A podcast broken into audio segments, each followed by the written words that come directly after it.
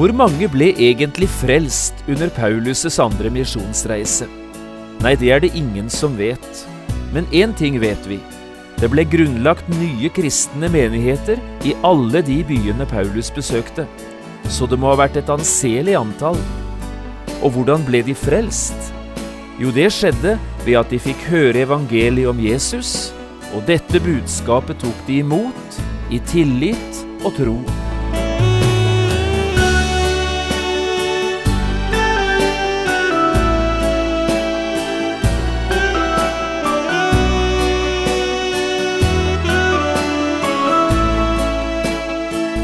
Hjertelig velkommen til et nytt program i serien Vindu mot livet.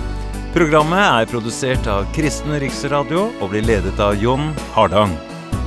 Denne programserien er produsert med støtte fra Blom fiskeoppdrett.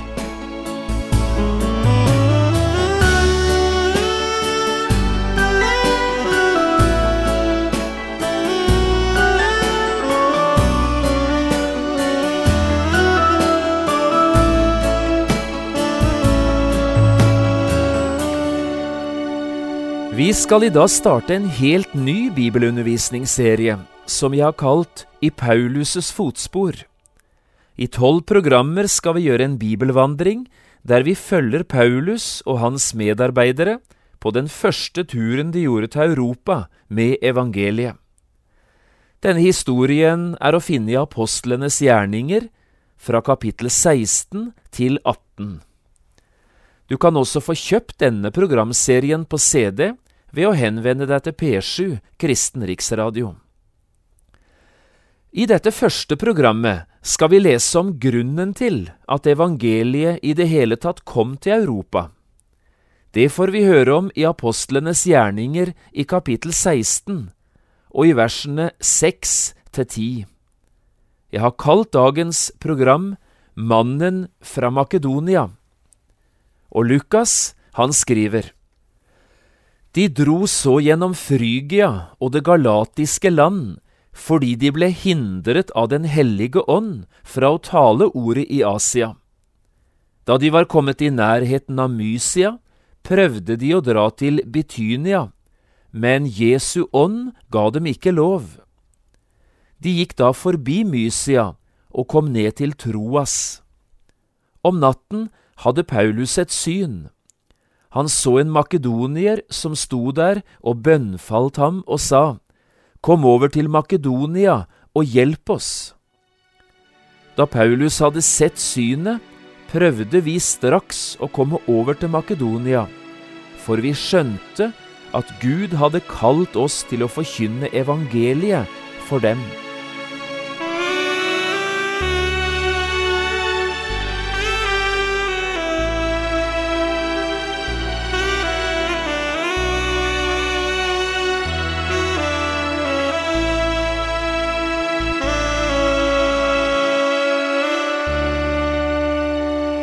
Høsten 2007 fikk jeg være reiseleder for en norsk turistgruppe til fastlands-Hellas.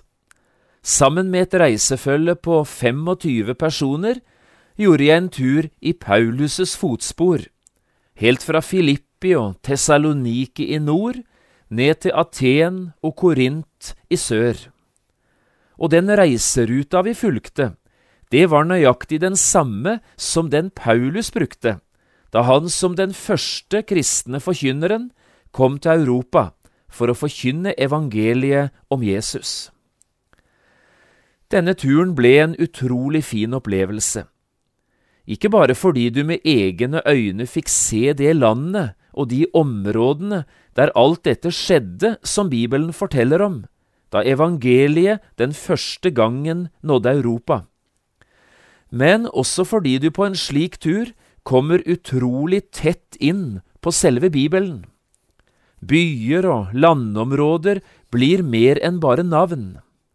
Å se havnen i Neapolis, der Paulus en gang steg i land og for første gang satte foten på europeisk jord, eller å stå utenfor fengselet i Filippi, det er unektelig en ganske spesiell opplevelse. Å gå opp til Akropolis eller stå på Areopagoshøyden i sentrum av Aten, der Paulus som den første talte om Jesus til den store forsamlingen, det gjør noe med deg. Når du siden leser at det Bibelen forteller, det skjedde akkurat her. Eller når du går omkring i det gamle Korint, ute på idrettsbanen eller på torget, eller kanskje blant de gamle tempelruinene, og så vet du at her oppholdt Paulus seg i halvannet år den første gangen han kom til byen. Jeg syns ikke det er rart at dette vekker litt spesielle følelser. Nå trenger du imidlertid ikke reise til Hellas for å bli med på tur i Paulus' fotspor. Du kan faktisk bli med på en slik tur, der du sitter akkurat nå, ved å åpne Bibelen din, og så følge med på den bibelvandringen vi nå legger til rette for gjennom disse tolv Vindu mot livet-programmene. Det handler altså om tre konkrete kapitler i apostlenes gjerninger, og det er disse kapitlene det handler om i alle tolv programmene, nemlig apostlenes gjerninger kapittel 16 til 18. Men kanskje kunne vi først begynne helt bak i Bibelen, med det kartet som de fleste av oss finner akkurat her, nemlig det kartet som viser Paulus' tre misjonsreiser. På dette kartet, ja, i de fleste bibler er det forresten to forskjellige kart, der er reiserutene avmerket med forskjellig type streker, altså disse reiserutene som Paulus fulgte og nå er det den andre reiseruta vi er mest interessert i, den som kalles Paulus' andre misjonsreise. Jeg vet ikke om du er i stand til å finne den reiseruta på kartet også i din bibel. Her kan du nemlig se hvordan Paulus reiste, altså den reiseruta han fulgte nettopp på den andre misjonsreisen. Du vil se at utgangspunktet for alle Paulus' tre misjonsreiser, det var byen Antiokia, som lå et stykke nord for landet Israel, helt oppe i det nordøstlige hjørnet av Middelhavet. Etter at Paulus og Barnabas hadde vært ute på sin første misjonsreise, ble det avholdt et apostelmøte i Jerusalem. Her drøftet en stor forsamling en del misjonsstrategiske problemer, særlig knyttet til forholdet mellom de jødekristne og de hedningekristne. Dette skal vi imidlertid ikke gå nærmere inn på her. Men også Paulus og Barnabas deltok på dette møtet. Men så, etter at møtet var slutt, ja, så dro de tilbake igjen til Antiokia, og en tid etter dette så legger Paulus ut på sin andre misjonsreise, denne gangen ikke sammen med Barnabas, men med Silvanus, eller Silas, som han også kalles. Og det er disse to som sammen med noen flere medarbeidere drar nordover og siden vestover, tvers over hele Lilleasia, eller Tyrkia som det heter i dag. Og til slutt kommer de så til Troas det var dette vi leste om i begynnelsen i dag, og det er her Paulus får det nattlige synet av mannen fra Makedonia, en mann som bønnfaller han og sier Kom over til Makedonia og hjelp oss. På grunn av dette synet reiser så Paulus, sammen med hele sitt reisefølge, over til Makedonia, som er navnet på den nordlige delen av Hellas. Og det er denne delen av den andre misjonsreisen som vi nå skal se nærmere på i disse programmene.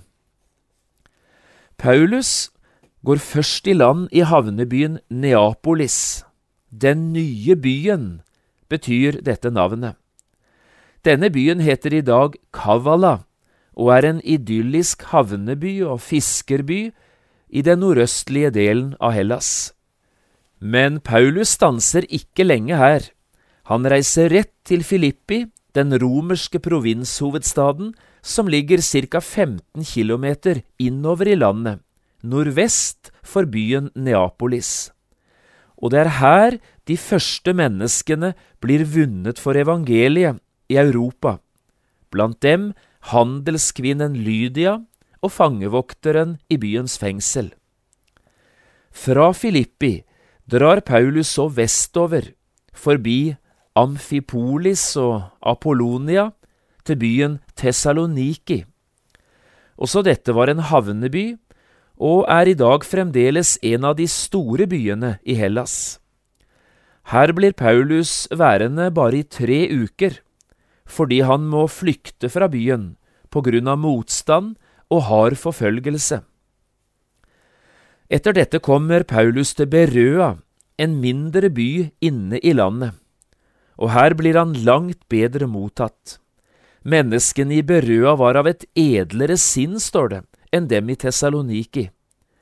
Men i begge byene, både Tessaloniki og Berøa, blir det grunnlagt nye kristne menigheter, akkurat som det hadde skjedd i Filippi.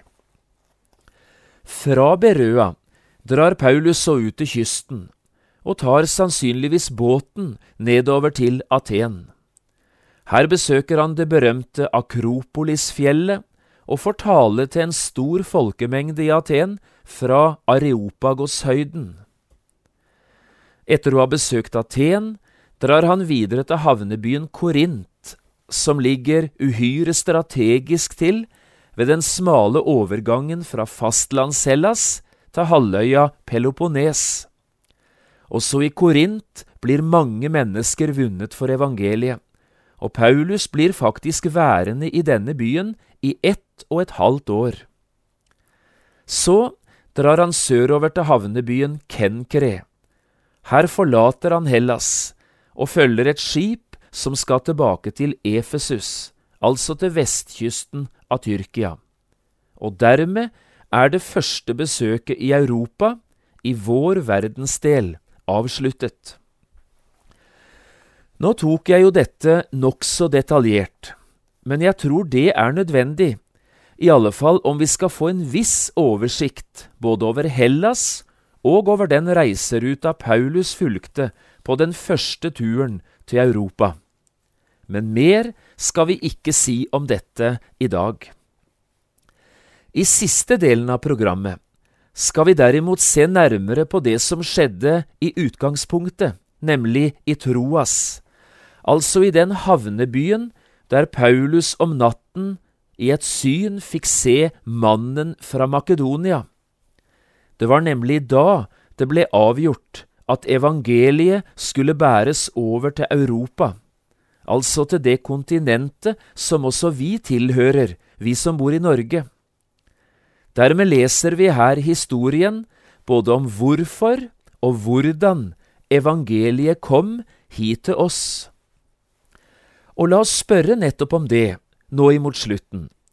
Hvorfor måtte Paulus dra til Europa? Hvorfor skulle evangeliet forkynnes akkurat her? Som svar på disse spørsmålene vil jeg gjerne peke på fem ulike ting. Og det første, det er dette.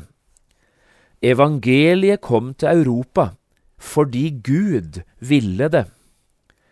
Paulus hadde jo ikke selv noen planer om å reise hit til Europa. Det forstår vi ganske tydelig av det bibelavsnittet vi nettopp leste sammen. Her sto det jo på denne måten. De dro så gjennom Frygia og det galatiske land fordi de ble hindret av Den hellige ånd fra å tale ordet i Asia. Da de var kommet i nærheten av Mysia, prøvde de å dra til Betynia, men Jesu ånd ga dem ikke lov.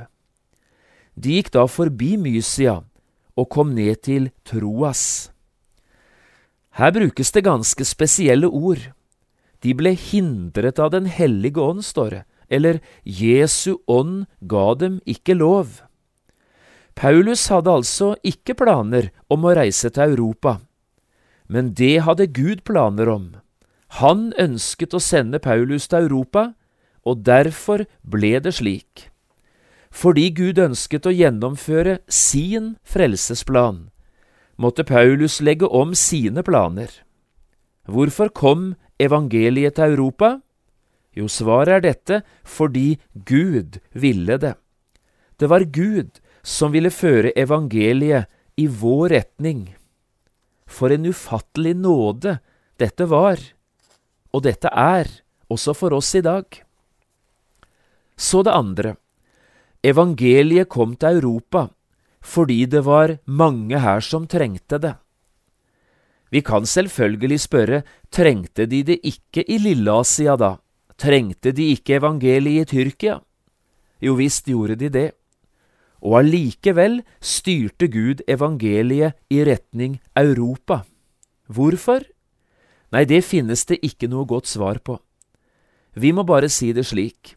For oss var det iallfall utrolig godt at evangeliet ble sendt til Europa. Og var det noen som trengte det, ja, så var det virkelig slike som du og jeg. Det er ikke mange vi får høre navnet på av alle de som ble frelst da evangeliet første gang ble forkynt i Europa. De fleste forblir både navnløse og anonyme for oss. Vi kjenner dem ikke, men noen lærer vi å kjenne, noen får vi høre navnet på. Lydia fra Filippi, Jason fra Tessaloniki, Dionysios og Damaris fra Aten, eller Krispus fra Korint. Men felles for dem alle, både de vi kan navnet på og de vi ikke kjenner, det var dette, de fikk bruk for Jesus, alle sammen. Så det tredje, evangeliet kom til Europa fordi dette var Guds eneste mulighet til å frelse mennesker, også her. Jeg skammer meg ikke ved evangeliet, skriver Paulus i Romerbrevet 1. Det er en Guds kraft til frelse for hver den som tror, både jøde først og så for greker. Og han kunne gjerne ha lagt til den store apostelen, andre frelsesmuligheter enn dette finnes ikke. Andre frelseskrefter og annen frelsesgrunn er ikke å oppdrive. Hvor mange som egentlig ble frelst under den andre misjonsreisen, det vet ingen av oss. Vi vet bare at det ble grunnlagt nye kristne menigheter i alle disse byene som Paulus besøkte, så det må jo ha vært et ganske stort antall. Men hvordan ble de frelst, alle disse menneskene? Jo, det skjedde på samme måten med hver eneste en av dem. De fikk høre evangeliet om Jesus, og dette budskapet tok de imot. Dermed var de frelst. Men hva så med alle de som ikke hørte, og som ikke ble frelst? Hvordan gikk det til? Jo, det skjedde også på samme måten. De hørte ordet om Jesus, men de tok ikke imot det. Tvert imot, de avviste det, sa nei takk, og dermed ble de heller ikke frelst. Så det fjerde. Evangeliet kom til Europa fordi én mann var lydig mot Guds kall. Dette sier oss noe om hvor viktig det er at én mann er på rett sted til rett tid. Det var situasjonen i Troas. Vi kan jo bare prøve å tenke hvordan det ville ha gått hvis Paulus ikke hadde vært lydig mot dette himmelske synet. Hadde evangeliet da ikke kommet til Europa, så stilig og så sterkt som det nå gjorde? Ja, det vet vi jo ikke, det blir bare spekulasjoner. Men la oss heller si så godt at den ene mannen var lydig mot det synet han fikk, og gjorde akkurat det som Gud på denne måten befalte han. Det ble Europas redning, i alle fall den gangen. Det er nokså sterke ord som brukes i denne bibelteksten. Om natten, står det, hadde Paulus et syn. Han så en makedonier som sto der og bønnfalt ham og sa, Kom over til Makedonia og hjelp oss. Bønnfalt, sto det her. Det er et av de sterkeste ordene i Bibelen for bønn. Det handler om å trygle og be, eller å rope det ut, nesten som i desperasjon. En tigger og ber, som ut fra den ytterste nøden. Kom over til Makedonia og hjelp oss, ber mannen. Dette er altså den hjelpeløses bønn og den fortaptes rop om redning. Det var dette Paulus hørte, og dermed tar han evangeliet med til Europa. Én mann er lydig, det var hemmeligheten, både mot Guds kall og mot menneskenes nøderop. Og så til slutt det femte. Evangeliet kom faktisk til Europa fordi Gud nå ønsket å fullføre Bibelen, fullføre sitt eget ord. Også dette ble nemlig et resultat av den andre misjonsreisen. Bibelen kom enda et skritt nærmere sin fullførelse. Tre av de menighetene som ble grunnlagt på den andre misjonsreisen, de ble årsaken til at Paulus skrev fem av sine viktigste brev. Jeg tenker på Filipperbrevet, første og andre Tessalonikerbrev og første og andre Korinterbrev.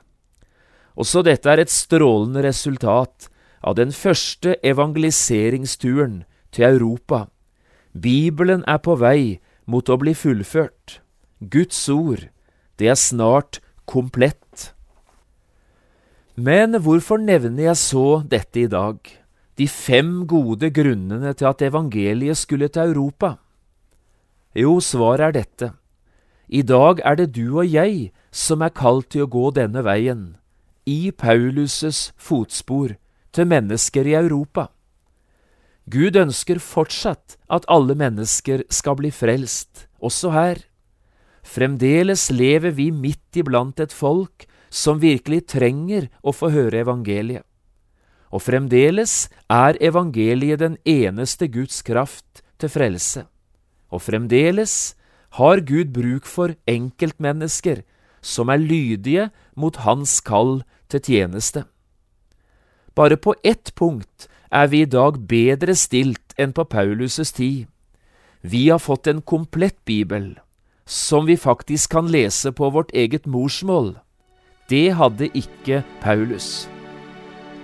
Hva skulle da være til hinder for at ikke også du og jeg gikk veien i Paulus' fotspor for å forkynne evangeliet til de mange som også i dag trenger å få høre det. Nei, du og jeg får kanskje ikke se mannen fra Makedonia i et nattlig syn, slik som Paulus gjorde det, men vi hører ropet likevel, gjør vi ikke?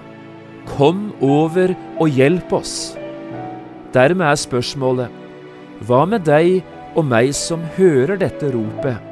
Vil du og jeg gå?